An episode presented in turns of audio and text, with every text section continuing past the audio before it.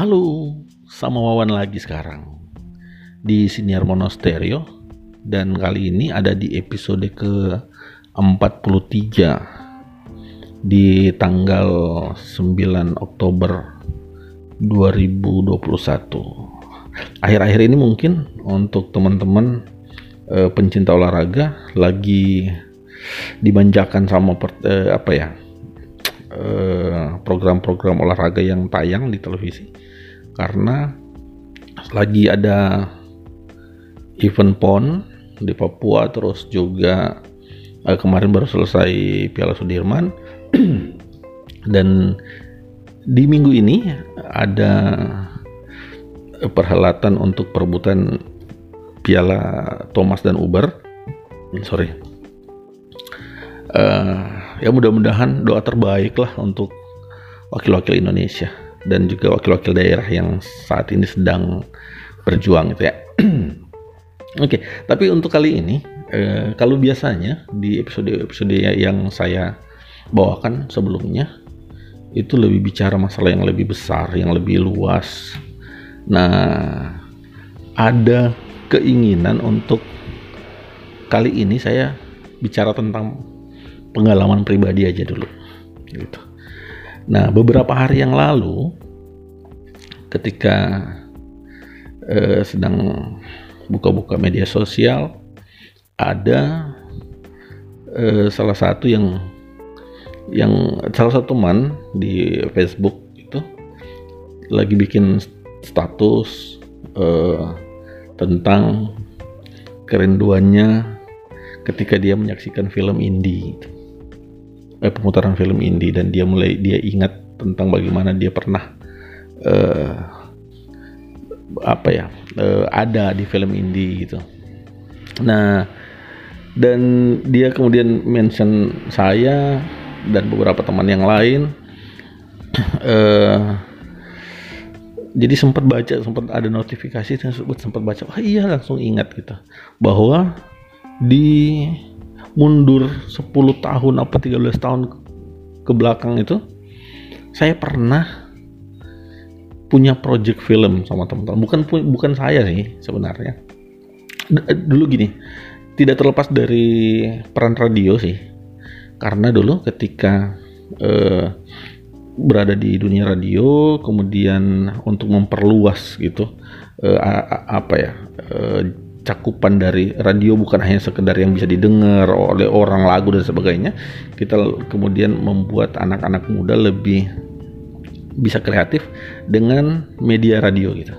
Jadi kita ngumpulin uh, anak-anak muda terutama waktu itu anak SMA kita kumpulkan kemudian uh, mereka belajar siaran kemudian juga uh, kita bikin mereka apa buat event event lumayan besar waktu itu uh, buat apa ya um, waktu itu untuk memberantas narkoba dan seks bebas. Nah ketika event itu selesai kemudian dari teman-teman tuh ngerasa anak-anak SMA itu ngerasa oh kita udah ada keterikatan nih secara emosional antara sesama pelajar terus juga dengan kami yang uh, anak penyiar radio waktu itu. Nah, uh, ketika ada ada mereka akan lulus sekolah SMA yang itu waktu itu kelas 3 gitu. Mereka datang ke saya untuk uh, untuk sebuah project gitu. Mereka ingin buat sebuah film indie yang menceritakan tentang masa-masa mereka di sekolah gitu. Dan saya mereka minta untuk terlibat dalam pembuatan itu. Oke, saya support, saya support karena ya memang sudah seperti itulah tugas-tugas kita waktu itu untuk mensupport mereka. Dan karena saya tidak punya basic sama sekali di film, jadi ya jadinya cuma support gitu doang gitu. Tapi ternyata mereka meminta saya untuk uh, terjun langsung di apa dalam project itu dalam pembuatan apa uh, film itu. Mereka pingin saya terlibat bukan hanya uh, apa ya bukan hanya sebagai orang yang mensupport tapi juga terlibat secara langsung dalam pembuatannya.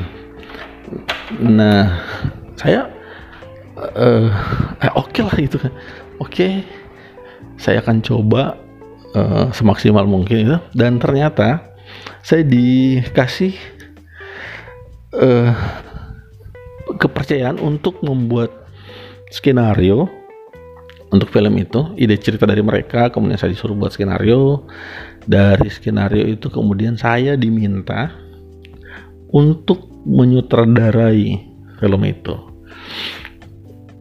uh, ada ketidakpercayaan diri sih karena emang sama sekali belum ada basic. Saya belum pernah ngikut apa dalam hal apa ya di bidang film gitu belum pernah gitu. Tapi oke dicoba lah. Kalau sekarang enak kan?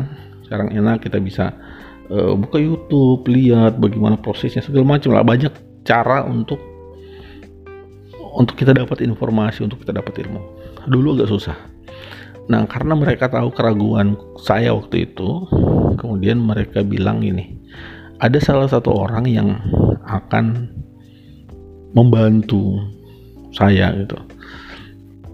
Uh, dan mereka rekomendasikan satu nama itu uh, dia editor.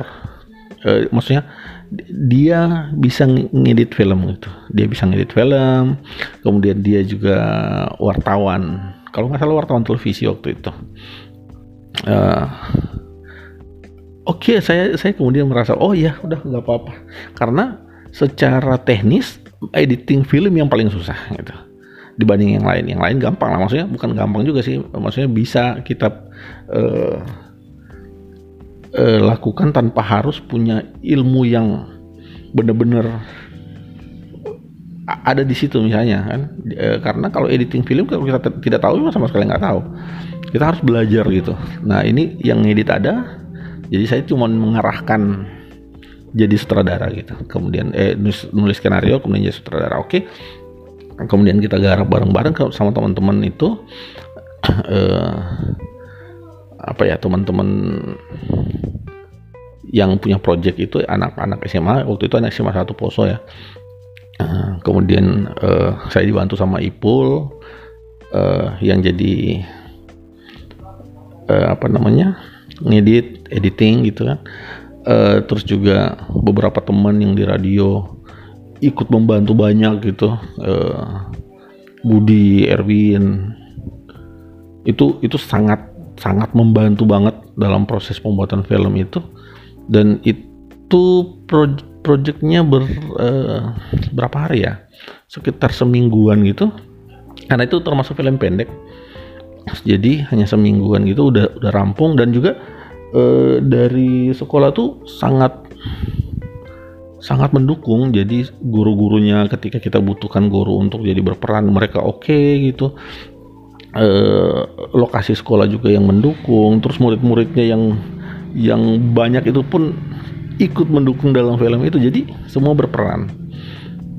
Dan akhirnya film itu jadi dengan segala kekurangannya ya film itu jadi kemudian eh, di di apa ya di event uh, perpisahan mereka anak-anak SMA itu film itu diputar lah di sekolahnya dan dapat dapat banyak support dari orang-orang saat itu.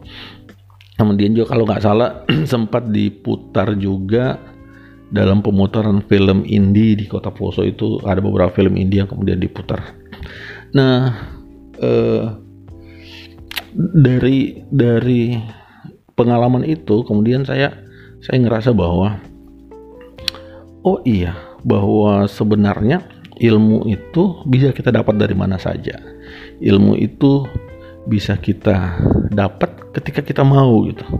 Kita mau belajar kita mau mencoba kita pasti bisa uh, dapat ilmu yang yang mungkin buat orang lain harus dipelajari di formal gitu. Tapi saya sudah membuktikan bahwa pengalaman ketika kita terjun langsung itu bisa. Dan kalau sekarang dibanding dulu dulu mungkin agak susah ketika kita mencoba untuk uh, membuat film itu susah. Kita harus punya ini punya itu segala macam gitu. Uh, kalau sekarang jauh lebih mudah. Karena orang punya handphone satu dua orang ada yang videoin udah bisa jadi film. Dan lagi sekarang gampang untuk uh, publikasinya gampang. Kita masuk di YouTube, masuk di Facebook segala macam kita upload, jadilah. Kalau dulu susah, medianya uh, susah, kemudian peralatan dan sebagainya susah. Jadi uh, perjuangan uh, apa yang didapatkan oleh teman-teman yang dulu itu itu mungkin sekarang masih membekas karena beberapa teman yang kemudian komen di status teman yang yang itu yang tadi Eh, ngomongin masalah film itu semua kangen, semua rindu untuk ada di saat itu gitu. Nah, mungkin mungkin untuk uh, episode-episode selanjutnya saya ingin ngomongin tentang uh, pengalaman lain uh, karena dulu itu uh, di era itu film indie kemudian band indie itu mewabah dan anak-anak muda pada mencoba untuk uh, meng, apa ya mengekspresikan apa yang mereka bisa di uh, dua bidang itu. Oke teman-teman, mudah-mudahan bisa ada pelajaran yang bisa diambil dari episode kali ini. Saya Wawan mau pamit. Salam.